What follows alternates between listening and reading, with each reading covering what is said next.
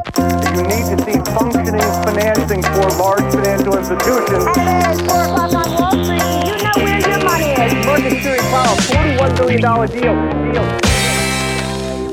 I år har börsutvecklingen mest liknat en sån där svart skidbacke, en sån som jag inte riktigt vågar mig på. Men nu tar vi ju stormsteg mot vintern och då blir man ju påmind om och sugen på riktig skidåkning. Skistar är fjällvärldens pärla med välkända anläggningar i Åre, Vemdalen, Sälen, Trysil och Hemsedal. Nu är det över ett år sedan bolaget gästade podden senast varpå det är hög tid för en uppdatering kring läget. Och det här bolaget är ju listat på midcap, har ett börsvärde på 7,8 miljarder, 30 084 ägare, det vill säga ungefär 50% fler ägare än för ett år sedan. Och med mig i podden återigen VD Stefan Sjöstrand. Varmt välkommen tillbaka! Stort tack Niklas och härligt att få vara här. Riktigt kul att ha dig här. Du gästade ju podden i fjol somras och då hade du ju varit VD för Skistar sedan veckan innan pandemin utlystes 2020. Vad har hänt sen senast? Oj, oj, oj. Hur lång tid har vi? Nej, men det har ju hänt väldigt mycket och eh, dels också så är jag ju glad eh, att, att det är så många aktieägare som, eh, som ni representerar här på, på Avanza. Vi har ju totalt sett 57 314 var det faktiskt senaste uppdateringen. så ni har ju faktiskt eh, drygt hälften faktiskt av alla Skistars aktieägare och det som också är intressant är ju att eh, eh 55 000 utav de här 57 har färre än 1000 aktier och det är kanske mycket kopplat till eh, vår aktieägarrabatt som vi har. Eh, men det är också väldigt kul att, att vi har många småsparare som, som eh, väljer att ha oss i sin portfölj. Mm. Men tillbaka då till vad som har hänt i bolaget så eh, när jag presenterade vår rapport Eh, så valde jag också att ha en lite längre dragning för våra analytiker där jag försökte att beskriva den transformation som vi faktiskt har gått igenom som bolag och där vi har utnyttjat, om man nu kan använda ett sånt ord, de här två åren eller passat på att faktiskt också transformera Skistar till ett eh, lite annat bolag än vad det var före pandemin. Och det vi har jobbat oerhört mycket med är ju digitalisering. Eh, idag sker eh, 77% av alla betalningar sker digitalt eh, idag i bolaget. Eh, 98% av alla incheckningar sker digitalt. Eh, och eh, bara de två sakerna i sig, vi har 28 miljoner besökare på våra två plattformar. Vilket också innebär att vi har ungefär en och en halv miljon medlemmar i MySkistar. Och eh, det gör också att vi äger First Party Data vilket är eh, oerhört väsentligt för framtiden till skillnad från många andra bolag och i samband med nya regelverk så eh, den som sitter på First Party Data är ju den som faktiskt kan använda den i olika sammanhang framåt och det är jag jätteglad över.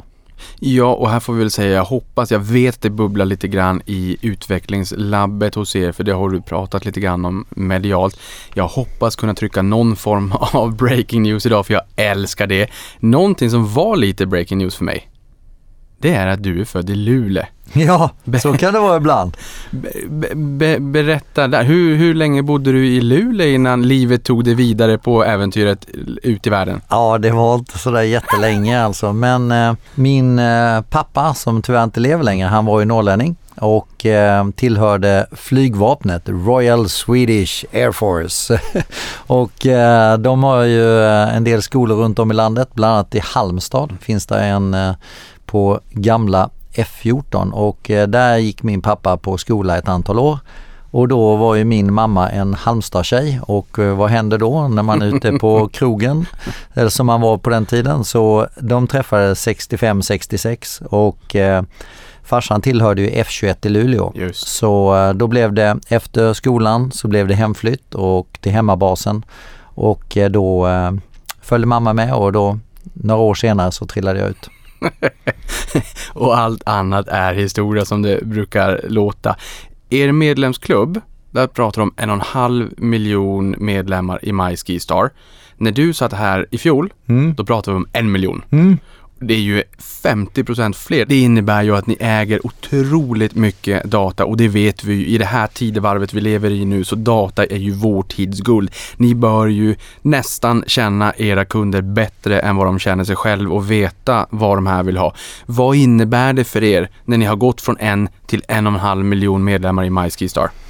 Eh, det innebär att vi har 50% fler. Nej, men det innebär att vi, eh, vi har jobbat genom den här digitaliseringen, genom att eh, vi säljer i stort sett alla skipass digitalt idag så innebär det ju att man måste registrera sig för att köpa sina skipass.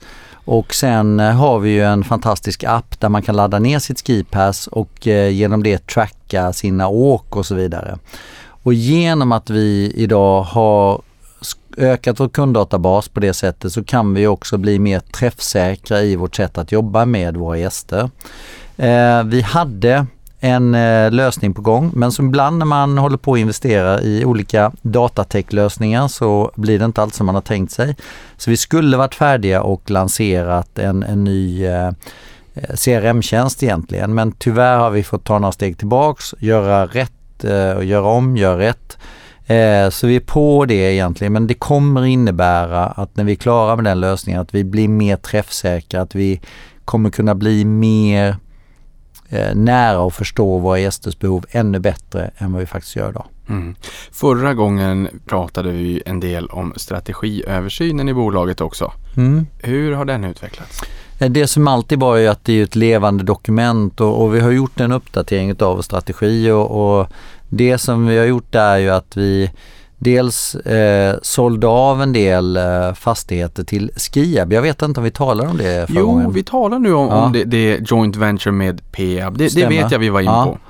Och eh, det har utvecklats väldigt väl och det som jag tycker känns väldigt bra för oss det är ju att genom att vi gjorde den stora affären så eh, har vi också lättat av vår balansräkning och vi har en väldigt låg skuldsättningsgrad idag som är runt 1,4 och eh, innan pandemin var vi uppe på 3,5 så det har gjort att vi är väldigt slimma idag och vi är också redo för tillväxt vilket känns oerhört bra när vi går in i de här tiderna som vi också gör. Ja, och där, där, får vi nästan backa och till dig som lyssnar på det här vill jag också säga, har du inte lyssnat på föregående avsnitt, en timma och 44 minuter, 200% Skistar, så länkar jag det avsnittet i, till, i beskrivningen här inunder till poddavsnittet. Men eh, det här Joint Venture, Mm. Berätta, vad, vad, är det för någonting och varför gjorde ni det? Ja, det, fann, det var ju flera anledningar. Dels så, så ägde vi ju helt eller delvis sex hotell i fjällvärlden. Två i Sälen, två i Trysil och två i Hemsedal. Uh, skilodger i backnära boende precis i riktigt fina lägen och vi kände väl att uh, de drevs utav olika management och uh, vi hade liksom ingen riktig styr på det där. Vi ägde ett bolag med en part och vi ägde ett hotell med någon annan och sådär. Och då bestämde vi att försöka renodla det och sälja av de bolagen till det här gemensamma bolaget som vi har med, med Peab som heter Skiab. Och i samband med det sålde vi även av en del mark för att kunna ha en del markaffärer redo för att göra snabb exploatering om man säger så. Och eh, det har vi gjort så till exempel i Sälen, Lindvallen, eh, vid eh, Timmerbyn bygger vi ju tillsammans eh, 25 jättefina boenden tillsammans i Skiab. Vi eh, bygger eh, i Tegefjäll. Vi har precis fått en ny godkänd detaljplan i Klövsjö och så vidare. Så att det känns väldigt positivt och då innebär det ju att det blir Skiab som tar den investeringen och bygger backnära boende för varma bäddar. Och det gör ju också att Skistars balansräkning är fortfarande lika ren och fin medan då Skiab bygger och etablerar de här bostadsrätter eller hotell eller vad det nu är för någonting.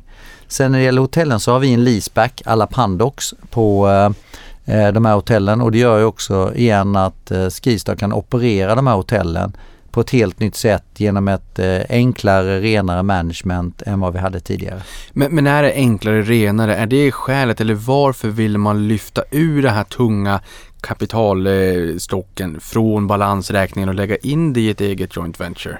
Det innebär ju snabbare tillväxt för backnära boenden för oss eh, och, och eh, när det gäller Eh, de boenden som vi då har i form av hotellen så innebär det ju att vi kan kontrollera de boendena på ett helt annat sätt. Det här har ju också lett till att ni har fler segment än vad ni hade i fjol. Då var ju verksamheten indelad i två segment. Nu har ju två växt till tre då. Där drift av hotellverksamhet har tillkommit utöver drift av fjällanläggningar och fastighetsutveckling och exploatering då. Eh, berätta lite mer om de här tre olika segmenten och, och, och eh, lite grann hur mixen ser ut dem emellan och lönsamheten just nu. Ja, men tittar man i hotellverksamheten som är det nya segmenten som vi också pratade om precis så där kan man väl säga att det var nytt för oss, kanske underskattade lite granna komplexiteten av att driva hotellverksamhet som inte vi har någon erfarenhet utav i Skistar. Tog lite längre tid att rekrytera management än vad vi hade planerat så nu har vi från och med 1 september i år en ny eh, chef för den verksamheten vilket känns jättebra en person, eh, Lina Gabrielsson, som har jättelång erfarenhet ifrån hotellvärlden. Både har jobbat många år hos Petter och sen drev även eh, Villa Dagmar och Diplomat här i Stockholm vilket känns superfint. Så hon har en bra erfarenhet av att både jobba in i detaljerna som man behöver göra, hoppa in i frukosten när det behövs men också jobba strategiskt. Så det känns jättebra Lina ombord. Eh, och eh, Lina har ju också erfarenhet av att skapa event och aktiviteter som vi behöver göra året runt. Som till exempel i helgen när vi hade Kristin Kaspersen som hade 150 yoga, framförallt tjejer på plats som åt och drack och yogade och vandrade och, och så vidare. Den typen av aktiviteter. Magiskt. Ja, och det känns väldigt bra. Och då är det också bra att ha kontrollen över hotellen. Att kunna göra paketeringar och så vidare. Eh, tittar vi sen på fastighetsutveckling och exploatering så bestämde vi också att vi inte skulle sälja av de här fantastiska eh, exploateringsmöjligheterna som vi faktiskt har inom Skistar utan eh, istället stärka vår underliggande eh, verksamhet och operation eh, och att fastighetsutveckling är ett riktigt långsiktigt eh, ben i de här tre. Och tidigare har vi ju haft kanske mellan 100 upp faktiskt upp till 200 miljoner per år i eh, exploateringsvinster och här har vi tydligt aviserat att här ska man kanske räkna med nivåer mot 50 till 70 miljoner per år istället för att mer jobba långsiktigt och inte stressa fram en exploateringsvinst utan tvärtom jobba långsiktigt. Och det som känns bra är att vi eh, om vi säljer mark så säljer vi aldrig råmark utan vi säljer mark när den har fått en ny detaljplan. Ungefär som när man eh, köper mjölk eller grädde eller crème fraîche eller smaksatt crème fraîche. Så att ju, mer, ju mer du adderar desto mer kan du ta betalt per kvadratmeter och, och så tänker vi långsiktigt. Ja, men det där tycker jag är lite intressant för att köper du light-versionen av crème fraîche så är den lite billigare än den feta versionen av crème fraîche som i sin tur är lite billigare än den eh, smaksatta versionen som du säger.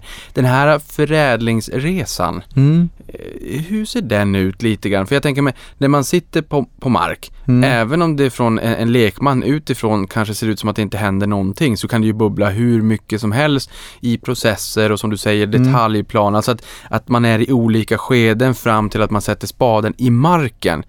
Kan du utveckla det lite grann? Absolut och, och eh, jag är jätteglad. Vi, eh, för två år sedan drygt så anställde vi en ny ledare för vår verksamhet av fastighets och exploateringsdelen som heter Lars-Göran Dahl. Han kom från Diös och, och hade jobbat länge med det här och har ju en fantastisk erfarenhet ifrån den här delen. Så var vi, det var ju en del av förflyttningen att, att jobba långsiktigt. Så Lars-Göran har ju ett team hos sig som jobbar med eh, detaljplanarbete men också då sitter ju Lars-Göran med i styrelsen på Skiab och kan ju på så sätt vara med och se okej, okay, nu tar Skiab den här byggnationen, här tar Skistar och gör det här arbetet och så vidare och egentligen mer ha en helikopteröversyn över hur det sker, utveckling sker på våra destinationer.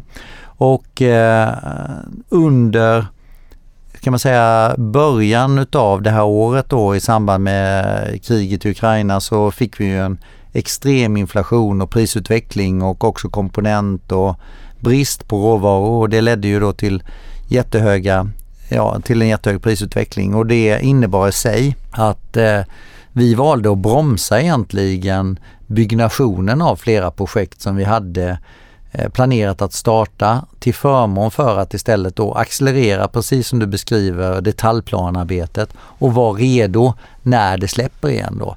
Så, så vi jobbar i olika faser och vi har team som är specialister och jobbar med de här frågorna och jag är jättestolt över det här gänget som gör ett fantastiskt arbete. Ja, men nu ser vi ju också att väldigt mycket faller tillbaka. Jag menar, vi har basmetaller och ädelmetaller och det är spannmål och det är fraktrater och det är komponentbrist som lättar upp och försörjningskedjor som ser enklare ut. Nu senast var det ju en hamn i Los Angeles som sa att vi hade 108 skepp som stod och väntade här i januari. Nu är det 8 8. Eh, I, I eh, mars nästa år hade man sagt till Bloomberg att då tror man att man är i fas. Min poäng här är att så sakteligen nu ser vi att väldigt mycket börjar falla tillbaka där ute. Kanske inte riktigt att man märker av det i, i Sverige i och med att vi har en svag krona och vi importerar mycket inflation. Men någonstans så tänker jag mig om vi då går in i en recession att eh, både material och eh, eh byggkostnader bör sjunka. Sen vet inte jag om Peab har all byggpersonal själv eller om man tar in underentreprenad också men de borde ju också kunna ge ett bättre pris än tidigare. Nu har ni fokuserat på att förädla detaljplaner. Ni borde ju kunna vara nettovinnare i sådana fall om ni väljer att trycka på gasen när kostnaderna för att bygga sjunker. Eller är jag ute och cyklar? Nej, du är väldigt rätt på det. Så tänker vi. Eh, och eh, det är precis det vi gör och eh, vi är redo. Eh, vi har redan bestämt oss för att ta eh, börja i Tegerfjäll till exempel eh, och eh, sätta igång där, vilket var ett arbete under paus. Eh, men genom att göra det så, mm, så kan vi också om inte vi känner att vi får sålt någonting så kan vi bygga BRF och så hyr vi ut BRF som varma bäddar under ett antal år och sen när vi känner att nu släpper det marknaden då kan man göra en eh, enklare renovering och sen så säljer man dem. Så att jag tycker vi sitter ju på en fantastisk asset här eh, och eh, en del analytiker värderar den högt, andra lågt. Vi har ju valt att inte värdera den alls för att det är vårat lilla E S i rockärmen som vi har valt att ha det på det sättet. Ja, och det pratade vi om i fjol när du gästade här också, att det är liksom dolda tillgångar på balansräkningen om man så säger att ni har, ni har inte riktigt valt att eh, marknadsvärdera de tillgångarna som finns där. Men det är ju en, eh, liksom Emil i Lönneberga, en massa träklabbar att kunna karva ut fina gubbar ifrån naturligtvis. Eh, och beroende på konjunkturläge så väljer ni det ena eller andra vägen framåt. Du pratar ju om varma bäddar också, det har jag ju fått lära mig otroligt viktigt för er. Och att ni har en hög beläggning i, i, i de egna boendena likväl som att ni hjälper då exempelvis mig om jag skulle köpa en stuga att hyra ut min stuga. Och varför? Jo, för att ni får ju sälja fler skipass, eh, liftkort då helt enkelt nu i år har ju den mediala debatten handlat väldigt mycket om det här kosläppet efter pandemin och det har varit lite grann en YOLO-sommar, you only live once, så att vi har förlorat två år och nu får det kosta nästan vad det vill för vi har en, de som har haft möjlighet att fortsätta jobba och, och bygga buffert har gjort det. Nu vill man leva livet för en period och sen så kom hösten ikapp oss eh, och kanske att vi går över till mer av det normala och tuffare tider, det som du eh, pratar lite om här. Men gäller det också för Skistar? Alltså om vi börjar med sommaren så konkurrerade vi ju med jag själv var på tre konserter, jag har inte varit på konsert på väldigt länge. Eh, jag var på en eh, jättestor fest, vilket inte jag hade varit på länge. Och eh, att bara få tala med andra människor var också nytt. Så jag tror att vi konkurrerat med många andra om det här kosläppet. Eh, det som har hänt för oss var ju att eh, under sommaren hade vi något färre gäster än eh, vad vi hade i fjol, vilket är helt naturligt. Det vi hade som var bättre var att vi hade lite högre intäkter. Så de gästerna som besökte oss, de stannade lite längre, längre och också spenderade lite mer. Tittar jag då lite längre framåt mot vintern så har vi ett bokningsläge för vintern i samband med att vi släppte vår rapport. Då hade vi minus 10% jämfört med i fjol och vi hade plus 7 jämfört med hur det såg ut innan pandemin. Och eh, alla vi som är kalenderbitare, vi vet ju då att den här julen är ju en så kallad arbetsgivarjul som infaller ungefär vart femte år. Och eh, när jag då säger att jag har minus 10% i bokningar så 70% av dem, eh, det tappet det härrör sig kring julveckorna och specifikt runt vecka ett. Så jag är, sitter här på andra sidan bordet och är väldigt nöjd, väldigt tillfredsställd med hur vårt bokningsläge ser ut inför vintern. Ja, och det här är ju inte en one-off naturligtvis. Det här är ju återkommande om du då säger ett av fem år. Men det är ju inte så heller att man tycker att ja, men det där är ju bara en ursäkt, utan det är ju vad det är. Kalendern kan man ju titta hundra år framåt om man vill. Ja. Eh, det är oftast till er favör i sådana fall om jag tolkar det hela rätt. Men att det nu råkar bli arbetsgivarens Ja, år. ja, och jag menar det är bara att titta tillbaka hur det såg ut för fem år sedan. Då var det likadant liksom. Så att, eh, och sen när vi hade en positiv kalendereffekt så fick vi inte möjlighet att ta del av den för det var ju mitt under pandemin.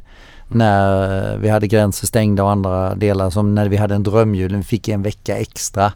Och den fick vi ju inte dra nytta utav det året då tyvärr. Så att eh, you give and take liksom eh, men eh, just nu så känns det som att marknaden reagerar på allt som det står ett minustecken framför och då när vi säger det så blir det extra dramatiskt och det jag försöker göra är att försöka förklara det, uppenbarligen inte tillräckligt bra. Men eh, vi känner oss nöjda och det jag försöker förklara nu är att alla våra bytesdagar är med på lördagar och söndagar normalt sett under året och det betyder att julafton, juldagen, nyårsafton, nyårsdagen, de är röda, alltså eh, lördag, söndag. Men vi kan ju inte ha bytesdagar de dagarna för ingen vill byta då. Så det betyder att då har vi flyttat och har bytesdag på måndagen. Och det betyder att vecka ett blir en sån här slaskvecka. Det blir ju varken eller. Det blir eh, måndag bytesdag och sen så blir det bara en eh, fem sex dagars vecka och eh, det betyder färre gäster. Så den blir veckan när vi tar smällen om man säger så. Så att eh, vi är fine. Vi, kommer, vi kan ju se mellan vecka 2 till 6 har vi mycket högre bokningsläge i år än vad vi hade förra året till exempel och så vidare. Så att ah, jag känner mig faktiskt väldigt nöjd. Men, men du säger möjligtvis att du inte har förklarat det tillräckligt bra. Jag, jag ifrågasätter det lite grann för jag tänker att det finns ju ett, ett narrativ i marknaden nu och många är ju negativa och det har ett negativt tolkningsföreträde, specie- speciellt om det nu skulle vara minus, även om det är så att, att det finns en logik bakom minuset. Eh, Tycker du att man är lite för inkörd i sitt narrativ eller förstår man när du får tid att förklara hur du ser på, på verkligheten? Ja, Jag upplever det sistnämnda att när du får tid att förklara i lugn och ro, alltså jag tycker eh, till exempel Adela Dashian på Jeffries nu, hon har ju verkligen hon har ju följt oss tidigare när hon var på Handelsbanken och jag ser ju nu när hon följer oss eh, eller KI Bonnevie som, som följer oss på, på DNB, samma sak. Alltså de kan oss väl och, och de har ju riktkurser på vårt bolag som jag kommer inte ihåg om Adela satte 140 och, och KI 145 eller någonting sånt där. Va? Och det visar ju egentligen att de kan oss, de ser vad vi gör och de tror på det vi håller på med. Och det känns eh, för mig väldigt tryggt. Sen att resten av marknaden inte gör det, det är en annan sak. Men där känner jag att de, de har ju tagit till sig och, och lyssnat på det vi, vi levererar egentligen. För de som lyssnar på det här som bara blev lite nyfiken, var det egna konserter du var på e- eller var det tillsammans med barnen som har en annan musiksmak? Frågan är alltså, vad, vad, är det, vad har du för musiksmak? Nej, alltså jag var faktiskt på konserter som eh, jag själv inte hade valt att köpa biljetter till själv utan det var konserter som eh, jag valde att gå på Håkan Hellström som jag aldrig har lyssnat på tidigare på konsert. Jag är nog ingen riktig eh, Håkan-fan egentligen men mina barn är det och vi var där hela familjen och det var så härligt och det var verkligen en eufori alltså. Jag bara älskar det liksom. Nästan så jag sitter här och sjunger Din tid kommer va. Men, ehm, så det var väldigt bra. Jag var lyssnade på The Ark som jag tycker är en superskön grupp liksom men jag hade kanske inte själv eh, köpt biljetter till The Ark om inte vi hade suttit för det, när vi beställde biljetterna ett år innan. Du eh, gästade ju nyligen också Gabriel på DTV och då eh, pratar ni ju om eh, fjärde kvartalet. Mm. Ökade omsättningen 22% year on year och stänger ju därmed det bästa brutna räkenskapsåret någonsin. Men då lyfter du ju också upp, trots tuff konkurrens, det här med bröllop och 50-årsfester och konserter. Men jag tänker så här, kan man inte ha det hos Skistar? McDonalds hade ju att man kunde gifta sig på McDriven under sommaren. Jag vet inte om någon gifte sig men, men jag kan ju hellre tänka mig att man kör det i Skistars anläggningar än att kanske gifta sig i McDriven.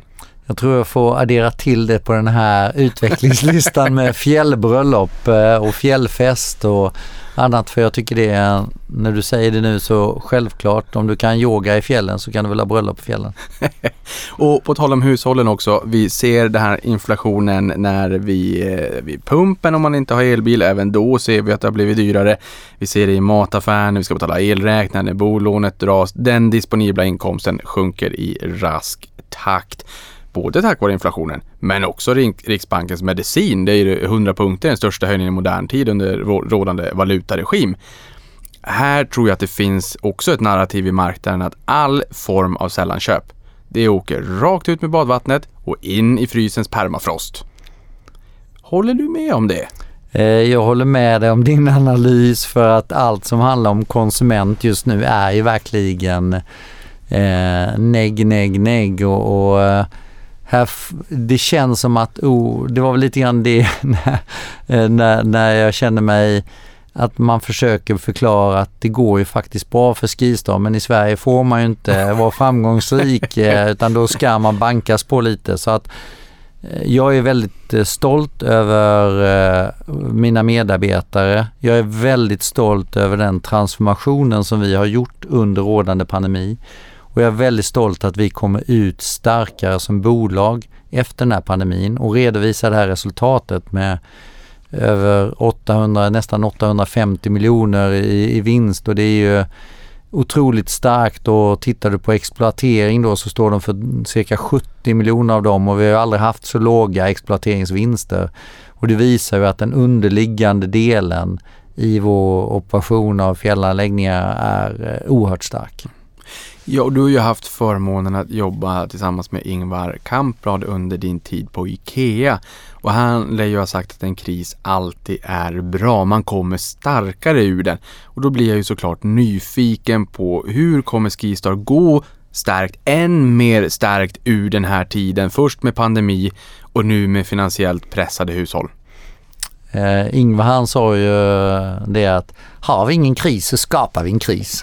eh, så, det var, så det var en Ingvar-sägning eh, där. Men eh, alltså jag känner ju att vi som bolag då, det som jag nämnde i, i inledningen här med vår skuldsättningsgrad som är under en och en halv och vi har ett urstarkt kassaflöde och, och nu då så eh, har ju man, ägarna eller styrelsen föreslagit för bolagsstämman en, en utdelning om, som är fördubblad jämfört med, med förra året. Men som ligger strax under de eh, 50 som vi har delat ut tidigare. Det betyder att vi kommer ha lite mer pengar i kassan också. Och det gör ju att vi är ju verkligen redo för både mer investeringar framåt men också för olika typer av möjligheter som kan dyka upp under en kris. Ja, och det där kommer vi komma in på. Det där är ju väldigt spännande för ni höjde väl från 1,50 till 3 va? och toppen var 3,50 per aktie. Stämmer. Vi pratade ju en del om förvärvad tillväxt förra året. Vi kommer in där, även om jag förstår att eh, jag kanske inte får jättemycket svar. Men det här med vikten av varma bäddar. När man pratar om fastighetsbolag, då pratar man ju väldigt mycket om foot traffic, alltså flödet av mm. människor. Och det höjer ju såklart värdet på fastigheterna. Och det här är ju förståeligt att ni är väldigt beroende av varma bäddar oavsett om ni äger boendena i egen regi eller om ni hyr ut för andras regi och tar en provision på det. För det är ju liftkorten, det är ju skipass. 42% av omsättningen i fjol Ehm, det här är ju en följdfråga på det vi var in på nu här tidigare, men kommer det bli tuffare att höja priserna på liftkorten framöver nu när man kanske håller hårdare i, i plånböckerna? Ehm, vi jobbar ju med en, en, en eh, normal prisjustering utav våra skipass och vi har gjort det. Det skedde ett större lyft mellan 17 och 18 och sen så har vi justerat eh, mellan åren. Och det som är idag är att idag kan du inte riktigt säga vad ett skipass kostar för det beror på när du köper det, hur du köper det och hur länge du köper det såklart. Och eh, vi går mer och mer mot en dynamisk prissättning, typ resten av reseindustrin gör. Så idag har vi en dynamisk prissättning på boende som styrs helt efter efterfrågan. Eh, och vi går mer och mer mot det även på skipass. Och tittar du på eh, prisjusteringarna vi gjort i år så får jag frågan från journalister senast igår faktiskt. Ja, hur mycket har ni höjt? Ja, kan du tala om för mig hur mycket det kostar att åka till Köpenhamn så skulle jag jättegärna berätta det för dig. För att, eh, för att det beror ju helt och hållet på när jag väljer att åka, vilken dag och hur långt och så vidare. Och du bor ju fortfarande i Köpenhamn. Exakt. Och jag vet hur mycket det kostar Niklas. Nej, Nej. förstår du vad jag menar? Det, det är väldigt svårt att svara på på det, på det sättet. Ja. Så, så vi har ju ingen prislista utan vi, vi jobbar med att, att, eh, att vara vad ska man säga, efterfrågarbaserat. Då. Ja, och efter den här, de här höjningarna som, som bör- började ske 17 18 där och fram till idag. Har vi riktigt sett hela effekten? För det har ju varit väldigt stökig period med pandemi och allting här Mm. emellan. Eller, eller kommer vi kunna få en, en swoosh-effekt framåt? Hur ska man tänka kring perioden 17 18 och fram till idag? Ja, men vi, vi, för oss är det ju väldigt viktigt att se eh, hur många besökare har vi och hur många skipass säljer vi. Och om vi nu skulle säga, lek då med att det är en nedgång i vår verksamhet med 10 och bara lek med den tanken. Eh, vilken effekt får det på vår eh, resultaträkning? Och kan man då vårt bolag så innebär det ju då att eh, 80% av våra kostnader är rörliga och det är säsongspersonal som har korttidsanställningar vilket är väldigt lätt att justera. Eh, vi har fasta elpriser som står för ungefär 4,5% av OPEX. Mycket mindre än vad man kan tro. Mycket mindre än man kan tro och framförallt eh, också en favoritfråga bland media. Eh, och sen eh, har vi då en, en eh, viss höjning utav skipassintäkterna och det gör ju att en nedgång hos oss slår ju inte dramatiskt på vår resultaträkning om inte eh, det är en jättedramatisk eh, sänkning såklart. Men just nu så ser vi inte det. Ja men det här är jätteintressant för det, det, det tror inte jag att man tänker vid första anblick när man tänker på Skistar att ni kan anpassa så pass mycket att så pass stor del är rörliga kostnader. Sen vissa nedgångar är ju bättre än andra nedgångar. Mm. Nu, nu har ju börsen varit som en sån här svart backe rakt ner för de flesta aktierna och eh, så även för er vilket innebär att det är enklare också att köpa 200 aktier för att få lite rabatt. Exakt. Aktieägarrabatten så att där har vi lite deflation faktiskt. Ja. Det här med OPEX och att eh, elkostnader är runt 4,5 procent. Här tror jag att man tänker på eh, stigande eh, elpriser. Hur påverkar det er? Nu har jag förstått att ni har terminsäkrat va? Stämmer, vi jobbar ju med en portföljstrategi och, och har gjort så sedan 2018 egentligen och det var först i fjol som vi kopplade på Norge för Norge hade inte varit med i den tidigare men nu är vi och det gör att vi kanske betalar lite för mycket elpris i fjol. Eh, Men om man nu kan säga att det var ett bra år att betala för mycket elpris eftersom det gick så bra för resten av verksamheten så vi ser inte att vi ska ha några direkta höjningar på vår totala eh, elkostnad i år eh, jämfört med i fjol. Så på det sättet känner vi oss väldigt trygga. Och, och inte liksom framöver heller även om det är så att det här terminsäkringen rullar på vidare i och med att det är en sån liten del av totalkostnaden så det blir ju inga jättetvära kast. Men låt oss säga att vi skulle hamna i ett sånt här 100 miljoner dyrare case då, vilket inte jag tror, för jag tror det är det. Men låt oss säga att det skulle vara en katastrof och, och vi skulle få en sån höjning. Då skulle vi ju egentligen höja den kostnaden till 7 kanske procent av OPEX. Så det slår ju, men det slår inte dramatiskt. Sen jobbar vi ju med förbättringsåtgärder eh, också i år. Alltså energieffektivisering. Ja, energieffektivisering som vi kanske inte hade gjort annars. Eh, eller förlåt, vi hade faktiskt påbörjat ett arbete och, och tagit in en energikonsult som vi har jobbat med under året där vi liksom hur kan vi jobba med vårt bad, hur kan vi jobba med belysning i backen, hur kan vi jobba med eh, ja, användandet utav olika typer av eh, produkter som vi har i vår verksamhet. Och, eh, så vi hade en plan på det. Sen eh, när krisen slog till på allvar då har det ju blivit en, en positiv del för oss att faktiskt fundera extra. Behöver vi, tar du vi är av med drygt 85 000 terawattimmar eh, energi per ett år och 25 procent av dem kopplad till snötillverkning. Och tänk om, istället för att lägga 120 cm i backen kan vi lägga 80, 90, 100 så är det ju en, en kraftig minskning och det innebär ju också en kraftig minskning av vår totala energiförbrukning genom att tänka lite smartare för att för gästen spelar inte de centimetrarna någon roll så länge eh, vi kan ju faktiskt lägga mer snö under resten av året i sådana fall om vi behöver det. Kronan har ju varit ursvag i år. Ska man ut och resa har man fått ta med sig en skottkärra eller Pippi Långstrumps kappsäck full i pengar. Jag tror kronan mot dollarn, där har vi tagit ut tidigare års rekord. Vi har väl åtminstone tillbaka till 80-talet finns det inget, eh, ingen period som, eh, som ens motsvarar det här. Vi var uppe på 11,49 mot, mot dollarn. Nåväl, ni är ju exponerade mot olika valutor men jag tänker mig att det omvänt så gör ju det att det känns lite billigare och trevligare för utlänningarna kanske att komma och gästa er och era anläggningar och dessutom för att bara förenkla lite grann för dem så är ju gränserna nu också öppna.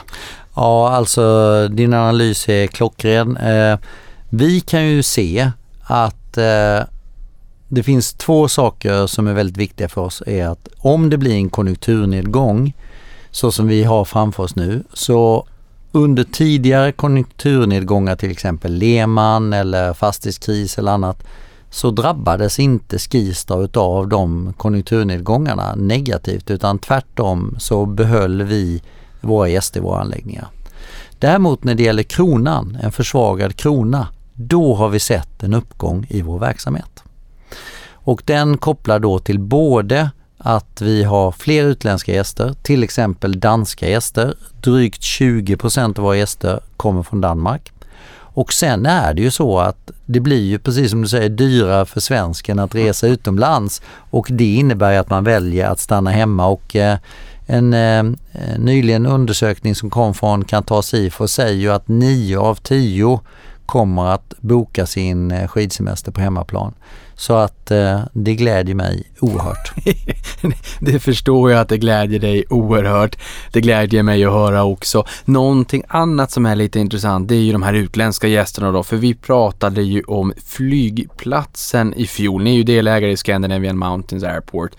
Um, och det gör ju logistiken otroligt enkel från omvärlden eh, hela vägen fram till boendet och skidbacken.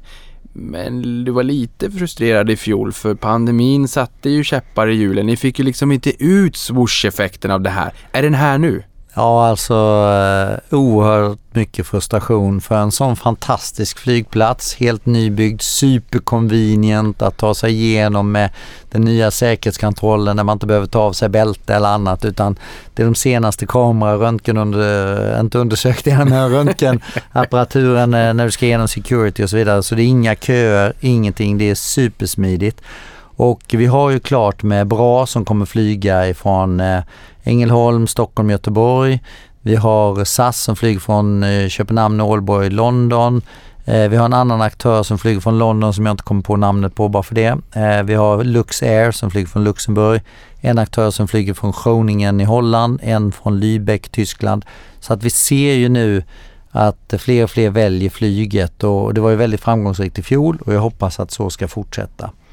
Sen en annan del som är intressant för oss som är storägare i flygplatsen, det är ju Sveriges inträde i NATO där den här flygplatsen tidigare har legat fel till för den har varit för nära den norska gränsen och ett NATO-land och eh, eventuellt användande av militärflyg. Men eh, med tanke på att eh, Sverige nu då har lämnat in ansökan till NATO och förhoppningsvis kommer bli Eh, eh, accepterade där innebär ju också att den här flygplatsen kommer upp i ett helt annat dager utifrån ett militärt bruk också och att kommer kunna användas för den ligger så strategiskt rätt och det saknas eller finns en avsaknad av flygplatser om man nu använder ordet mellansverige. Eh, mm. Både på den norska sidan då, eller då är det ju mellan Norge mm. och mellansverige då. Så att eh, därför har den väldigt eh, bra strategisk placering vilket kan vara bra för intäkter, landningstillstånd och annat. Som får, men får, får, ni en tick för det? Alltså att det, man, man får en peng löpande i och med att jag antar att Sverige kommer ju, och andra NATO-länder kommer väl vilja använda den här om det skulle behövas? Då får man ju betala start och landningsavgifter såklart och det gör man det till flygplatsbolaget. Och det som också är intressant med flygplatsen eh, eller Scandinavian Mountains AB det är ju att det finns oerhört mycket mark runt eh, flygplatsen och där planerar vi att bygga en solcellsanläggning just nu. Eh, och eh, jag hade förmånen att få vara med på Heart Aerospace invigning i Göteborg för en dryg månad sedan och också se de här elektrifierade flygen som kommer vara i luften om ett antal år. Det innebär också att den här flygplatsen ligger så oerhört strategiskt rätt med kortflygningar och möjlighet att snabbladda flygplan för att också kunna flyga med elflygplan från cellen. Det låter ju jättespännande. Jag tror att det var Financial Times som skrev för några dagar sedan om ett genombrott nu också när det kommer till batteriteknologi med där man kunde få ner vikten rejält och få upp energidensiteten rejält vilket också innebär att då kanske vi kan få ett så efterlängtat genombrott för elektrifierade flygningar regionalt och kanske interkontinentalt för att säga till människor att de inte ska resa det kanske man kan göra i teorin men det kommer aldrig fungera i praktiken. Och dessutom lever vi i en värld där fyra av fem människor på planeten aldrig någonsin har suttit på ett flygplan, sa Boeings VD för ett antal år sedan. Så att vi måste ju gå elektrifieringen. Den, den vägen måste vi ju så att säga ta. Eh, och, och, jag blir väldigt glad när jag hör att, eh, att vi tar stora kliv framåt där eh, teknologiskt. Vilket såklart är bra. Någonting annat när det kommer till elektrifiering. Ni fokuserar mer på elstolpar. Det stämmer. Berätta, för det här var ju någonting vi pratade om i fjol, men är det, jag antar att kunderna i stor utsträckning också efterfrågar att kunna ladda sina elbilar? Det som är jättespännande när det gäller hela elektrifieringen utav fordonsflottan är ju att när vi gör, idag är ungefär 5% av den eh, svenska fordonsflottan elektrifierad. Och när vi gör en eh, undersökning bland våra gäster så är 12 procent av våra gäster som har elektrifierade fordon. Och det betyder ju att eh, vi måste hjälpa våra gäster på resan upp till våra destinationer och då måste man ha samarbete med eh, antingen att man gör någonting själv eller att man har samarbeten och då har vi kommit fram till samarbeten med några större eh, tidigare fossil eh, tillverkare eller förmedlare. Och eh, det gör också att vi kan samarbeta kring laddinfrastruktur på vägen upp. Vi har också valt att investera själva i mobila laddare för att vi blir liksom lite lacka på att det gick för, eller går för långsamt från regeringsperspektiv på resan upp. För vi kan ju inte kontrollera resan men däremot kan vi kontrollera hur det ser ut på plats då. Så på plats har vi investerat i laddstolpar och gjort det i mycket och eh, sen så eh, har vi då valt att eh, samarbeta med andra aktörer på vägen upp. Ja, och här får jag väl också bara säga, jag blir så himla nyfiken när jag, när jag kommer ihåg någonting som gjorde mig så glad kring det här med elektrifierade flyg men inte kommer på vad det var. Nu eh, så googlade jag snabbt upp det här för de som är nyfikna så The Independent har skrivit Na NASA invents Incredible Battery for Electric Planes. Så det är någon form av teknologi som NASA nu har tagit fram. Där vi hoppas att det här kan bli någon form av eh, breakthrough för elektrifieringen oavsett om det är plan eller tunga fordon eller vad det än kan tänkas vara. In och läs om ni vill veta mer. Utöver beläggningsgraden på boende så gynnas ni också om kunderna väljer att stanna en natt extra. Och jag har förstått att man kanske inte stannar en natt extra i lika stor utsträckning på sommarhalvåret som på vinterhalvåret.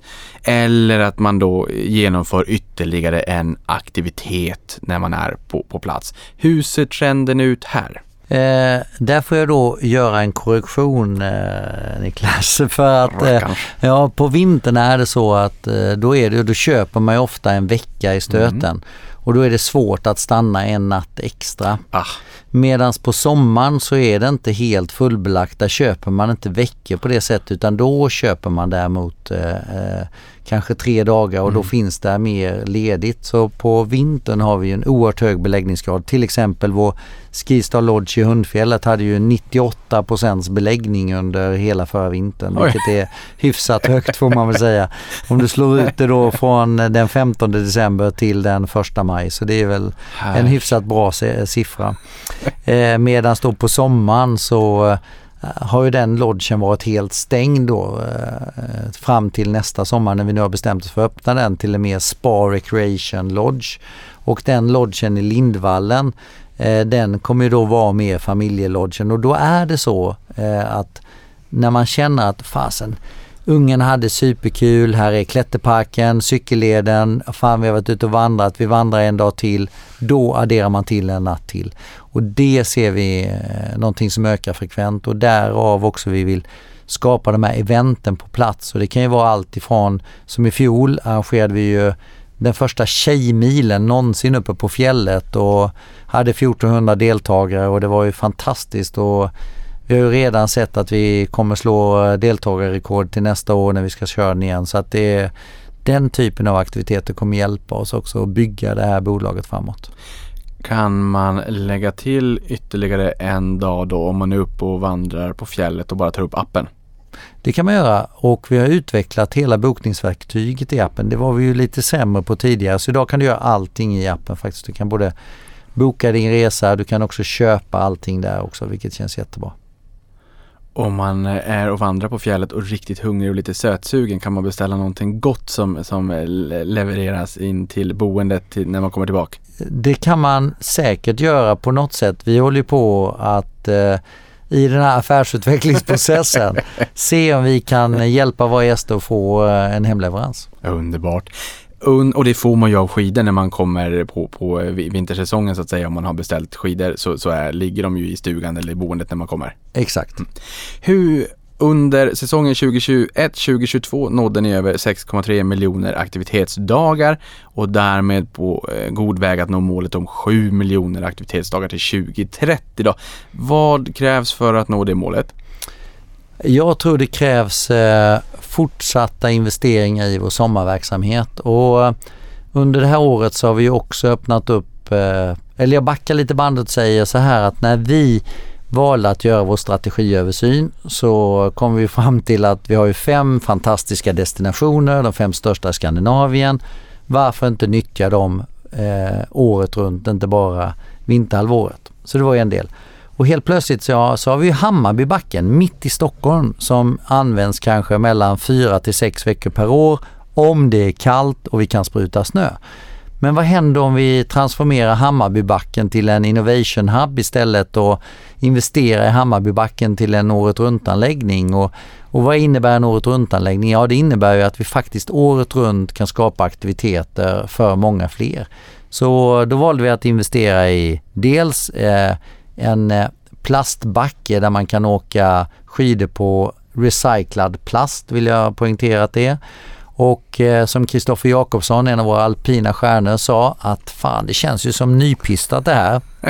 eh, sen har vi investerat i en coaster som är som en berg dalbana men också en klätterpark som Nils van der Poel lurade upp mig i den värsta nivå 3 där uppe jag hängde och jag kände det här kommer livet ta slut. Men Nils han skrek och pushade och kom igen Sjöstrand! eh, så att eh, det var bara att, att kämpa sig igenom. Och det skapar ju aktivitetsdagar året runt och vi ser ju att när vi gör de här sommarinvesteringarna att de hjälper ju till.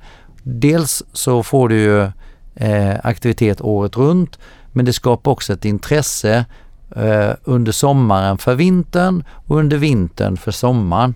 Så det här känns eh, oerhört inspirerande och fjol så hade vi faktiskt eh, tvåsiffriga eh, tal på nya besökare i fjällen av gäster som aldrig tidigare åkt skidor och där kom ju, tror vi, en hel del av dem från eh, gäster som har varit uppe på sommaren och, och besökt oss då. För då hade vi ju 25% mer gäster i vår anläggning under sommaren som heller aldrig hade varit i svenska fjällvärlden. Så vår analys är att vi ser ett ökat intresse av att semestra på hemmaplan och vi ser ett ökat intresse av att göra det i den fantastiska fjällvärlden. Ja, och, och jag menar de där grejerna som du nämner, det, det har jag eh, stenkoll på. Därför att där kollade jag på Youtube igår och såg sådana här vlogg eller videobloggar när folk lägger upp och har åkt den här Skistar Mountain Coaster och även Skistar Summer Ski. Så att är man lite nyfiken på vad är det här för någonting, in på Youtube och kolla. Det finns massor av klipp när man får följa med. Det har med. inte jag gjort, det måste jag göra. Alltså. Ja, gör det. Ja, kolla. häftigt, häftigt. Ja, det var väldigt häftigt. Men, men eh, för vem passar det här? Alltså eh, barnfamiljen i Stockholm, eh, kan de också åka till, till Hammarbybacken Ja. och få ut mycket av det? Ja, alla kan åka dit och det är något för alla, verkligen alla och det är ju det som är lite grann också en fråga som jag får ibland, ja men kommer inte ni tappa nu när folk börjar resa, folk åker till Alperna igen och då, alltså tittar man, det är mindre än den övre kvartilen som åker till Alperna. Våra gäster är eh, folkligt, festligt, fullsatt, den stora massan som är våra gäster och eh, därför så eh, är det samma sak i Hammarbybacken. Det passar alla. Du kan åka dit med din, ditt kompisgäng och ha en svensexa eller möhippa. Du kan åka dit med några polare och dra några åk i coasten eller åka ner för backen och åka skidor. Så det finns ju någonting för alla och även för barnfamiljen. Och vi har även eh, en liten backe för de små med rullband så man kan åka dit och försäsongsträna. Ja, och det är ju oftast ytterligheterna som sticker ut som gör att man det kanske också hamnar i debatten och inte sällan i den mediala debatten. Så det är ju, det är ju klokt att du, du ehm, också påminner om det. Eh, det glömmer man faktiskt inte sällan bort. Under våren 2020 så beslutade ni om en uppdaterad strategi. Det har vi varit in på här tidigare under podden med fokus på Skandinavien och fjällturism året runt. Och i fjol lanserade ni ju Skistar Sports and Adventure. Det här var den största sommarsatsningen någonsin för er. Nu vill vi naturligtvis veta, hur går det? Eh, det går både upp och ner som eh, han sa va? Upp och ner, ner och upp som Emil sjöng. Och det är ju så när man startar något nytt att eh, ibland tar det lite längre tid än vad man eh, själv hade hoppats på. I alla fall för en personlighet som mig som är hyfsat otålig. Eh, och eh, det jag är eh, väldigt glad över är ju att vi har ökat de här aktivitetsdagarna som vi är inne på. Vi har ökat antalet gästnätter och eh, vi har också ökat antalet besökare vilket är fantastiskt. Sen hade jag kanske hoppats på lite fler besökare. Eh, men det som jag också inte är helt nöjd med det är kanske hur vi som organisation då hanterar sommaren. För vi är vana vid att jobba på vinterhalvåret och nu ska vi plötsligt jobba året runt och det krävs en lite större omställning och en lite mer justering. Så under det här året när vi släppte vårt resultat så visade det att vi hade lite för höga personalkostnader för att vi hade kanske inte helt optimerat sommaren på bästa möjliga sätt. Eh, sen det andra är att vi har investerat väldigt mycket i marketing så vi ökade ju vår marknadsföringsbudget för att också tala om den här sommaren. Och det tror jag också är långsiktigt rätt för det bygger både varumärke och besökare. Det som vi också har lärt oss av är att du behöver ha många aktiviteter på eh, varje ställe. Så den här koncentrationsstrategin som vi bestämde oss för, det visade sig vara helt rätt. Däremot skulle vi kanske haft en lite högre takt i att göra ännu fler saker eh, samtidigt. Eh, så det vi gör nu inför nästa sommar är ju, vi har lärt oss av Hammarbybacken att det funkar att eh, ha eh, summerski och det kommer vi ju göra då direkt i Sälen. Vi ser att den här coasten fungerar i Hammarbybacken, då gör vi den i Sälen. Så att vi liksom har en hö hyfsad hög takt på att etablera nyheter på destinationerna. Och det gör att vi får fler aktiviteter. och Då kan vi sälja det här passet, sommarpasset och för det testade vi i Sälen i somras och det visade sig att där hade vi tillräckligt med aktiviteter jämfört med till exempel Åre eller Trysil eller Hemsedal eller Vemdalen. Så du behöver liksom en, en body för att kunna sälja sommarpasset och när du har den bodyn då gör du det. Och eh, då får du helt plötsligt ett annat eh, eh, en annan lönsamhet på de aktiviteterna. Så det är det vi håller på med. Så fortsatta investeringar på våra destinationer och det lite mer investeringstakt i Sälen, Lindvallen, Trysil, Åre och lite mindre, men nu börjar vi då i Hemsedal och i eh, Vemdalen för att de ska på samma resa som de andra tre har varit på, men lite ska man säga i bakvattnet eller i steg två då. Så är man lite nyfiken på vad framtiden kanske kan föra med sig så får man ut och spana i Hammarbybacken och se det här Tech och Innovation Hub och se vad ni testar för någonting. Ja, faktiskt är det så. hur, hur, stor andel av er omsättning tror du att sommarhalvåret kommer att kunna stå för i, i, i framtiden? Eh, någon vid någon form av peak. Alltså, jag menar, Skistar är ju fortfarande Skistar. Men vad tror du? Det är en väldigt, väldigt bra och svår fråga. För att om man tittar, vi har ju varit inne på Net nätter, gästnätter så vi har ju liksom eh, ett, ett eh, ska man säga ett normalår på Skistar ligger kanske runt 520 000 objektsnätter. I fjol var vi uppe på 555 och nu säger vi då att vi tappar 10% då kanske vi är tillbaks på de här 500-520 000 nätterna då, vilket är eh, helt okej. Okay. Eh, och av det har vi sagt att 100 000 av de här vill vi att sommaren ska stå för. Så det innebär, säga att det är 15 då i antalet nätter. Men det behöver inte betyda att så är fallet när det gäller omsättning. Så, eh, men, men om man hade kunnat lyckats komma upp i en 15 procent på sikt så hade jag varit väldigt, väldigt nöjd. Och det behöver betyda att vi behöver addera till nya kringtjänster och, och så vidare. Men eh, det ligger en bit fram innan vi kommer dit. Mm. Ytterligare en sak som du tar med dig från IKEA och dessförinnan säkerligen är ju erfarenheten av affärsutveckling och att göra då i en strukturerad process och sen är du otålig också som du sa, du vill att det ska gå fort. I, I fjol pratade du om att ni har tagit ner träd i ett område som låg i träda och skapade 50 platser för uppställning av husbilar mm. som togs emot väl av era kunder. Samtidigt så har jag eh, liksom följt med dig medialt och sett och hört att du har pratat om nya spännande spännande idéer som bubblar hos er. Ska du fortsätta hålla oss på halster eller kan du säga någonting? Uh, jag, jag, ska... Uh, jag måste tänka lite vad jag kan säga och inte säga, men jag kan säga, ja, men jag kan säga två saker då. då uh, som är kopplade till vår kärnverksamhet som vi håller på att testa då. Och, eh, det ena är att vi har ju en fantastisk eh, figur som heter Valle som är för de små barnen och vi vet ju att barnen älskar Valle. Idag har vi ju en eh, härlig app där man kan sjunga och dansa med Valle och Valle-låtar och så vidare till många föräldrars förtret. Men man ska aldrig, man ska aldrig någonsin underskatta det. Det Exakt. vet jag som små, småbarnsförälder. Och nu har vi ju då bestämt att vi ska bygga vidare på Valle. Så vi utvecklar en digital tjänst runt Valle eh, för att man ska längta efter att få träffa honom. Så att du förbereder mötet med Valle. Ibland är det vissa kompisar och familj och vänner som ger liksom den, den, den, värsta leksaken som låter mest hemma och så känner man det kommer låta något jäkligt där hemma. Man blir alldeles nöjd när man hittar någon leksak som låter jättemycket. Här, ni måste ju nästan skratta liksom, när, när ni sitter och funderar på produkt, produktutveckling för att ni vet hur mycket barnen kommer tjata på föräldrarna att åka tillbaka.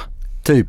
typ. Nej men så Valle är en grej som vi jobbar med. Eh, den är kanske inte sådär jätterevolutionerande men det är en digitalt och sådär. Det som vi däremot eh, gör som är helt nytt som ingen annan har gjort eh, tidigare, vad jag vet i alla fall, i fjällvärlden, det är ju då att eh, vi har ju ut, vi växer kraftigt eh, och mycket kraftigare än eh, sporthandeln generellt idag.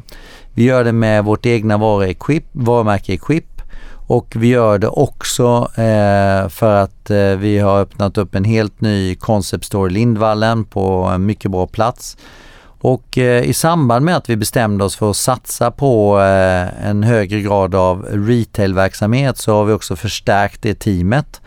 Eh, vi har rekryterat in en ny eh, kille från hm bakgrund eh, och ehm, sen så också digitala människor så varför inte texta obemannade butiker? Så eh, vi kommer ha 15 mm. stycken obemannade sportshoppar i fjällvärlden i vinter. Där du kan, eh, när det är lite kyligt kanske, gå in och köpa en buff eller nya handskar eller kanske så att du vill byta din hjälm eller ett par nya goggles. Och eh, det är ju då containerlösningar som är då obemannade och med smart key. Så att eh, en oerhört intressant, eh, tycker jag då, affärsutveckling för att då öka upp eh, vår närvaro, fysiska närvaron kan man säga. Eh, och eh, också stärker vårt varumärke med Skista Shop. Det där var ju väldigt spännande och där ligger ju lite grann i, i tiden också det verkar ju som att det går väldigt bra för er, både vad gäller fysiska Skistar Concept Store, men även e-handeln skistarshop.com. Det, det, verkar ju vara rejält med, med fart under galoscherna och även ert egna varumärke som du sa, Equip. Yes. Så, så egentligen kan man säga att vi har ju gått, om jag börjar bakifrån då med Equip så har vi ju gått ifrån att bara sälja skidkläder till att faktiskt då utveckla året runt kollektion och också då eh, etablera oss i kategorier som goggles då, som ryggplattor, som hjälmar som kommer nu nästa år. Och eh, tittar du sen då på den fysiska handeln så växer vi alltså 50 procent eh, vilket är på redan höga tal och digitalt i skistarshop.com växer vi 25 procent vilket är growth on growth on growth liksom så att vi är inne i en skön resa. Eh, vi är inne där då eh, faktiskt Equip eh, går upp och tar eh, första placeringarna från eh, tidigare toppsäljare av kända varumärken. Så jag tror att Equip ligger i tiden. Vi har varit duktiga på design och produktutveckling generellt så att vi har lite flow just nu. Ja, och jag antar ju att eh, förutom produktdesign och att ni förmodligen också har koll på vad, vad, vad folk behöver när det kommer till den här typen av, av kläder och tillbehör.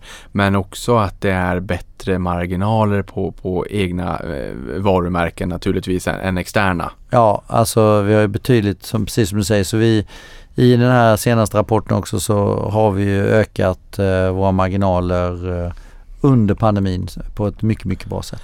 Jag vet att vi pratade om hjälmar i fjol och jag vet också att jag frågade om, eh, om MIPS, alltså skydd mot mm. rotationsvåld. Sen var jag in på er hemsida också och såg att det var en herrans massa hjälmar som faktiskt hade MIPS, vilket glädjer mig. Men, men nu säger du att, har jag förstått det rätt om att ni ska ta fram egna hjälmar? Det är helt rätt. I eget varumärke och att det kommer nästa år? Det är helt rätt. Till vintern. Till Lansering vintern. av Equip-hjälm. Men du kan inte säga någonting ifall det blir Mips i, i, inkluderat? Ja men det kan jag säga att ja. så har inte varit fallet Nej. för att eh, eh, Mips har varit lite för dyrt eh, och därför har vi valt att inte eh, ha den funktionaliteten i de hjälmarna. Eh, det kan ju vara så att eh, det är ett annat läge i marknaden idag än mm. vad det var när vi frågade dem senast. Så det är en inbjudan till Mips att kanske vilja vara med. Strandvits, där hör du. Ni är ju först i Europa och i världen med att ha 100% elektrifierade snöskotrar också från kanadensiska Taiga. Berätta. Alltså det är ju en eh, fantastisk produkt. Eh, jag hade förmånen att få eh, provköra här i våras när vi hade den första leveransen av, av det här, eh, den här underbara produkten. Och man är lite som ett litet barn som är ute och, och trycker på gasen och, och sådär. Sen är det ju eh, lite förseningar i leveranserna som beror mycket kopplat till komponenter och annat. Nu kommer ju den här containern i februari vilket känns jättebra. En eh, supercool produkt. Eh, jag ringde och pratade personligen med Samuel, deras eh, VD på Taiga i, i eh, Montreal förra veckan och jagade på honom och sa Sam liksom, eh, säg om det är något vi kan hjälpa er med för vi är ju den enda beställaren i Europa, vilket gör också att de inte är vana med pappersarbete och annat eh, och ta hit dem och så, så liksom Just tell us and we will help you to get them through the customs. Men riktigt roliga ja, maskiner. Ja, fantastiskt är det. Samarbeten med ambassadörer är ju viktigt för er och nu kan man exempelvis åka på träningsläger med Charlotte Kalla. Hur, eh, be berätta mer om det här. Ja, det är ju superball alltså för att eh, vi eh, började ju i liten skala med ambassadörskap och eh, det visade sig att vi hade lite flyt och ehm, jag skrev ett eh, textmeddelande till Nils van der Poel för jag hade läst i Aftonbladet att han inte visste vad han skulle göra när han skulle sluta åka skridskor. Eh, så jag skrev till honom på Insta och så svarade han, eh, jag ringer dig nästa vecka, jag ska bara åka VM först. Eh, och Nils ringde och vi träffades och bestämde oss för att jobba tillsammans och Nils är en av våra ambassadörer idag. Och han gör nu då någonting som heter testet där man då har fått ansöka om att tillsammans med Nils träna med honom på fjället under tre dygn och Eh, ja, träna så som han gjorde när han var inne i sin värsta träningsperiod. Eh, och ackompanjerad av Hans Olsson då som är en härlig ambassadör som vi har som är bosatt i Åre också som är gammal alpinist. Eh, sen så gjorde jag samma variant med Charlotte då och skrev till Charlotte och Charlotte ville jättegärna jobba med oss och hon brinner ju för hållbarhet. Hon brinner för aktivitet så Charlotte är också en av ambassadörerna vi har och Charlotte brinner också för en hållbar klädkollektion så hon designar och utvecklar en längdkollektion som vi ska sälja i våra butiker. En Equip, eh, Charlotte Equip eh, Special Edition. Och sen så är hon också då eh, lägerledare för ungdomar. Hon brinner för ungdomar. Hon vill ha ungdomar ut på snö, hon vill ha ungdomar ut i aktivitet. Så typ Wild Kids fast då uppe i, i fjällvärlden och det leder hon med stor entusiasm och en fantastisk personlighet och underbar människa att få arbeta med. Mm. På tal om produktutveckling som vi pratade om här för en liten stund sedan. Nu ser vi ju postpandemi också, även om den inte är över, men eh, folk kan ju faktiskt komma tillbaka till kontoren eh, i, i princip överallt. Men nu ser vi ju att hybridkontoret har seglat upp som en, en ny verklighet. Ehm, och det här ger ju nya möjligheter. Ni har ju tagit fram någonting som ni kallar för workation i fjällen, eller hur? Ja, alltså i och med att du eh, vi tror ju att det kan finnas möjlighet att sitta och arbeta på plats och eh, vi har ju i eh, storstäder och annat eh, olika typer av coworking areas och det självklart måste ju finnas i fjällvärlden också. Så vi driver det både i egen regi men det finns ju också andra aktörer som driver det. Och för oss är det jätteviktigt att det finns och det är möjligt att jobba och det kan ju vara en av anledningarna att vecka två till sex har ganska bra beläggning. Vad vet jag?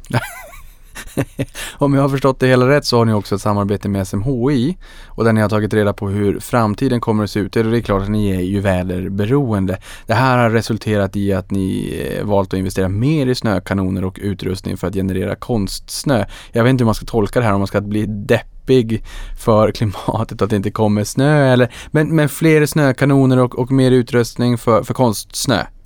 Först och främst en rättelse Niklas, mm. det heter kanonsnö, inte konstsnö. Det här är väldigt viktigt. För det är naturlig snö, okay. men den tillverkas av kanoner. Därför heter det kanonsnö och inte konstsnö. Men om, om, om man hade använt ordet konstsnö då, vad är det för någonting? Det finns inget det är som heter, massa... det är bara som har blivit ett ord utan Idag är det så eh, att, eller inte idag utan alltid varit så att det är ju vattnet som skjuts ut upp eh, och kyls ner och då mm. blir det ju snö. Så att eh, Konst... den är kanontillverkad, så det är kanonsnö. kanonsnö. Ja. Konstsnö, det är den här snön som när man var liten när det vankades julafton som man satte exakt, på exakt. fönstren och aldrig fick bort. Nej då, så eh, för oss så, vi gjorde ett väldigt stort arbete i samband med att vi lanserade vår eh, hållbarhetsstrategi tillsammans med NMI i Norge och SMHI i Sverige för att se på hur ser väder Eh, Eh, vad, vad, hur ser man på klimatförändringarna fram till 2050?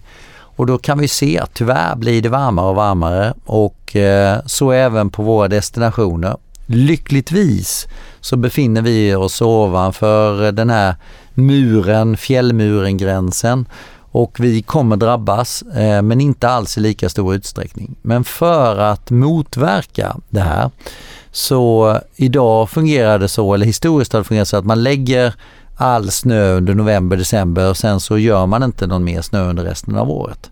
Men i framtiden så visar den här undersökningen att vi kommer att behöva producera snö mer kontinuerligt under året eh, eller under säsongen och därför blir de här automatiserade snökanonerna eh, extra viktiga att ha i sin anläggning. Så vi har ju valt att fördubbla våra investeringar i eh, snösäkringssystem, för att det är så viktigt för oss att ha snö till jul och ha en snögaranti till jul. För kan vi ha det så ser vi också att det är en stor del av våra intäkter och därför så har vi valt som sagt att investera extra mycket i det. Mer kanonsnö. Mer kanonsnö åt folket. Hur kommer Capex i övrigt se ut? Är det liksom en investeringspuckel ni har framför er eller ligger det på samma nivå som det gör ungefär varje år eller hur ser det ut där? Jag, jag är jätteglad att du ställer den frågan för att vi har legat och investerat mellan 3 till 400 miljoner om man tittar tillbaka på bolaget historiskt sett. Och nu går vi in i en helt ny fas. Vi växlar upp och i år investerar vi drygt 600 miljoner.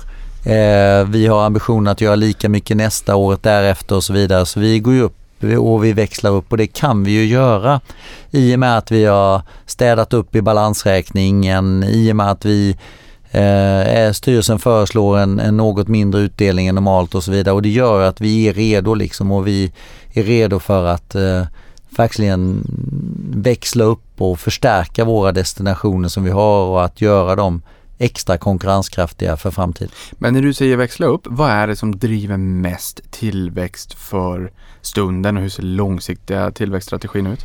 I, eh, vi kommer alldeles inom kort släppa fem fantastiska filmer där vi kommer visa på hur varje destination kommer att utvecklas investeringsmässigt. Och det Ja, innebär spännande. nya liftar, det är nya boenden, det är liksom hur varje destination ska utvecklas de kommande fem åren och det är supercoola filmer så det är en cliffhanger eh, och, eh, och där vi visar verkligen på investeringstrycket som vi kommer ha på våra destinationer. Så det känns väldigt, väldigt inspirerande. Du är en man av cliffhangers, du häller salt i, i, i den icke nyfiken såret. men, men, och de här kommer man åt via er hemsida? Självklart, vi kommer släppa dem på våra sociala kanaler. Just det. Ni har ju köpt 400 hektar i Vemdalen av Holmen också och vill ju öka fler nerfarter. Eh, vad, vad låg, förelåg eh, bakom det här och är det här startskottet på ännu mera markförvärv? Eh, egentligen kan man säga att eh, vi letar ju, vi har ju varit duktiga på att sälja mark på Skistar men eh, nu är det så att vi är duktiga på att också förvärva mark och göra en hel del markförvärv och eh, just nu så har vi eh, gjort det här stora förvärvet av Holmen och vi är jätteglada att Fredrik Lundberg i spetsen valde att sälja till oss och vi känner oss jätteglada för det. Och det innebär ju att eh, där det tidigare varit väldigt trångt i Vemdalen nu faktiskt kan växla upp och, och eh, investera i mer pistyta och eh, i ett senare läge då investera i eh, nya attraktiva boenden egentligen. Så att mer pistyta, mer liftar eh, och också egentligen parallellt med att du investerar för vintern också eh, lägga skidspår, bygga cykelleder. För gör man det när man ändå lägger backarna så kan du göra allt samlat Mm. samtidigt. Vi har ju varit in på det här med er skuldsättning också när ni har lyft ut em, mycket av fastigheterna och en del marktillgångar då till eh, det här Skiab då gemensamma joint venture med Peab. Och det innebär ju att er finansiella ställning är ju stark en och en halv gång i, i nettoskuld jämfört med 2 till 3,5 gång under perioden 17 till 20. Det var du in på här tidigare under podden och jag sa att vi skulle komma tillbaka till det här. F- för det känns som att du öppnade dörren på glänt lite grann till kanske förvärvad tillväxt. Alltså det som är, är viktigt tror jag är att vi börjar titta på eh, de investeringar som vi har bestämt oss för att göra. Och de kommer ju att skapa eller förstärka oss som den ledande semesterarrangören för Skandinavien. Och verkligen visa att vi menar allvar, att, att vi är den största. Och då behöver vi också ha riktigt bra liftar, en bra liftkapacitet, en modern liftkapacitet men också en säkra snötillverkning eh, med bra kanonsnö i backarna. Eh, men också nya skidområden så att det krävs en hel del eh, capex för att, att göra eh, den här typen av investeringar framåt. Sen ser man ju också tycker jag att det vi gör i Hammarbybacken det öppnar ju också upp nya möjligheter och visar det sig att det här är en bra investering för oss då kanske det är så att vi ska köpa eh, anläggningar som är året runt anläggningar eller fritidsanläggningar på fler destinationer eller andra destinationer än eh, som bedriver vinterverksamhet. Men det vet inte jag idag. Men det kan ju visa sig vara en, en, eh, en möjlighet och då måste man ju ha lite kapital. Ni har lite kapital, ni har också lite, lite krutar och möjlighet så att säga eh, med tanke på att skuldsättningen där är låg. Vi har också användaren Bullseye på Twitter som har skickat jättemånga bra frågor. En sån är om det är enkelt att få tag i kollegor till säsongen och huruvida ni ser en lönepress uppåt just nu. Eh, när det, jag börjar från eh, bakifrån då lönepress så är det så att eh, vi jobbar ju med restaurangavtalet eh, och det, det har gett en drygt 2% ökning så det är väldigt eh, bra. Eh, tittar man på vad som kan slå mot oss, vi vet ju inte hur den nya regeringen kommer göra med arbetsgivaravgifter för unga. Väljer man att behålla det, eh, den nivån som är idag så är det bra för oss. Tar man bort den så drabbar det oss ungefär 5-7 miljoner så det är relativt modest. Eh, och sen då kommer jag till det som är så härligt att vi har alltså fått 8-8 500 ansökningar om att få arbeta hos oss i vinter. Vi har fått fler kockar som söker jobb hos oss än någonsin tidigare.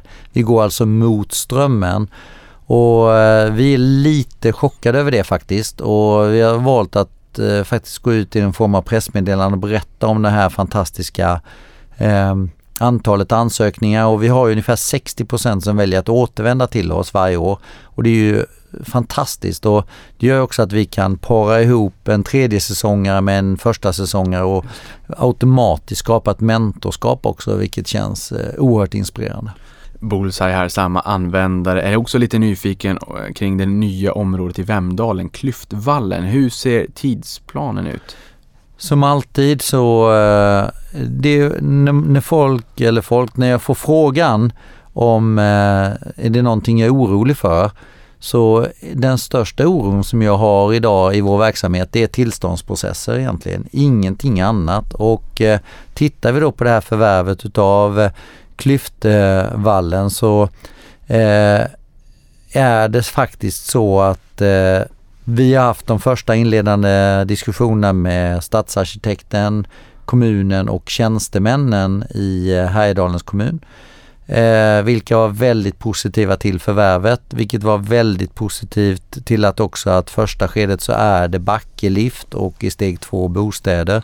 Och det som också framkommer väldigt tydligt är ju att vi har ju sett många företag som har exploaterat i fjällvärlden, eh, gör korta pengar och drar därifrån. Medan vi är faktiskt samhällsbyggarna, vi är kvar, vi är kvar på plats och eh, det gör ju också att eh, vi sitter ju kvar tillsammans med kommunen efteråt och, och hjälps åt med avloppsfrågor och annat, vilket känns väldigt bra. Vi tror att det här projektet kan ligga 3 till 5 år fram i tiden. Eh, allt beror på när vi har en klar detaljplan, men med tanke på att kommunen är så positiv till det vi håller på med så är jag väldigt eh, också positiv. Men det gör ju sinnet så det kan innebära. Men, men, eh, jag, nej, men det känns som en 3 till 5 årsplan framåt så är vi igång. Hur är det för oss obotliga optimister? Exakt. Men optimister har roligare. Vad är de tre största riskerna då kommande år?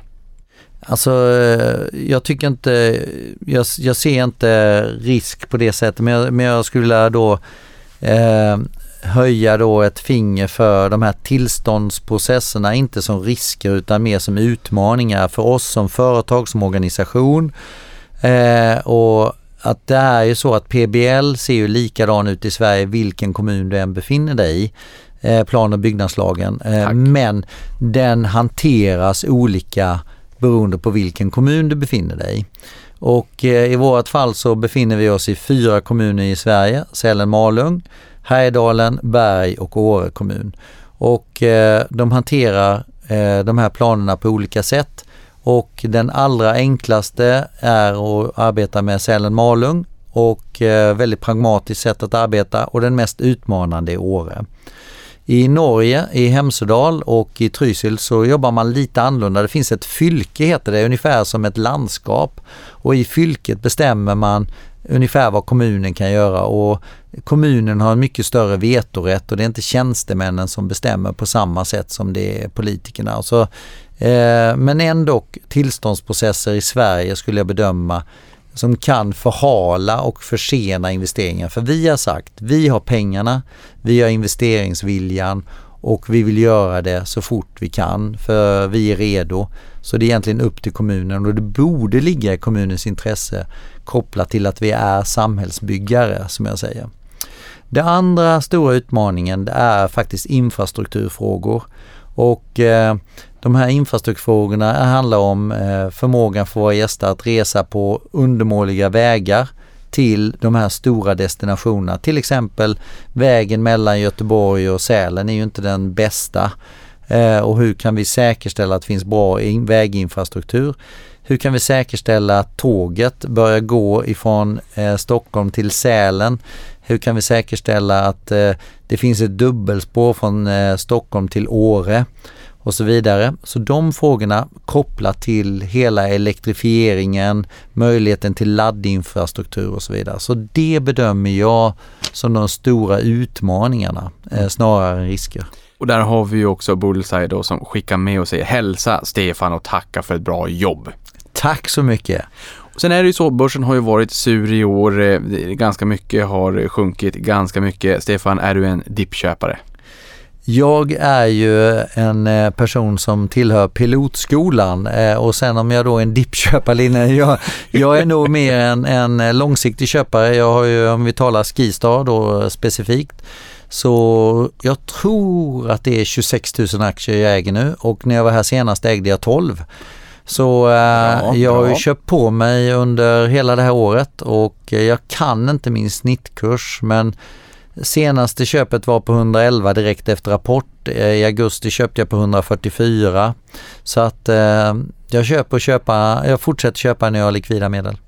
Nu kan du ju tänka sig när du åker skidor här i vinter, det kanske är jobbigt när man åker vägen upp för backen och det tar lång tid. Men då kan jag tänka det här aktiekursen, vi vill ju inte ha skidbacken rakt ner utan där gillar vi ju uppförsbacken lugnt och, och stadigt uppåt och efter den kommer solsken. Stefan, tusen tack för att du kom till podden och uppdaterade oss kring Skistar. Tack för att jag fick komma. Och stort tack för att du lyssnade på det här.